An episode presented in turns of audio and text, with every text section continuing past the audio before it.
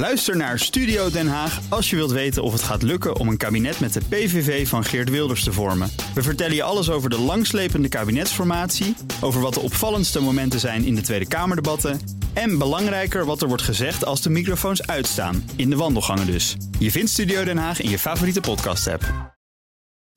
De column van Marianne Zwagerman.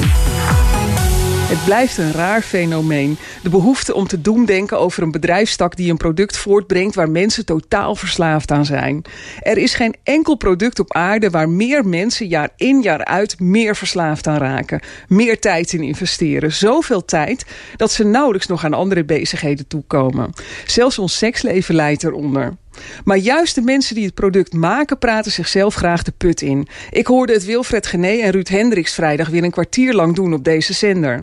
Als Ruud de eigenaar was van BNR, zou hij de zender direct verkopen, zei hij tegen Wilfred. De positie van radio en tv wordt gemarginaliseerd, is zijn stelling. Er zullen dit jaar veel ontslagen vallen bij RTL, SBS, de NPO en in de slipstream daarvan bij toeleveringsbedrijven, zoals producenten en leveranciers van camera's en straalwagens. Het wordt kortom een bloedbad in de Nederlandse mediawereld.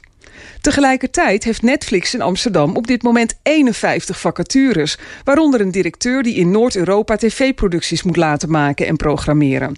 Zeg maar wat de man van Wendy van Dijk bij RTL doet. Radio en tv worden gemarginaliseerd, maar video en audio worden dat niet. Integendeel, de spelers zullen alleen veranderen. Dat is niet per se erg, als er maar voldoende hoogwaardige lokale content geproduceerd blijft worden. Iets waar RTL en SBS ook maar ten dele aan bijdroegen. Netflix is typisch een bedrijf dat altijd voor de content is king strategie is blijven gaan. Inmiddels explodeert de groei van het aantal abonnees. Het advies van Ruud Hendricks aan de omroepen om met de kabelaars te gaan praten klinkt dan ook een beetje muffig in deze tijden van cable cutting, waar steeds meer mensen video via internet consumeren. Ik geloof meer in de strategie die VPRO-directeur Lennart van der Meulen ontvouwde in zijn nieuwjaarspeech. Middle of the road media zijn ten dode opgeschreven, maar kwaliteit wordt actief gezocht, zegt Van der Meulen. En de 1,4 miljoen kijkers die Ruben Terlouw zondagavond trok met zijn nieuwe serie over China bewijzen zijn gelijk.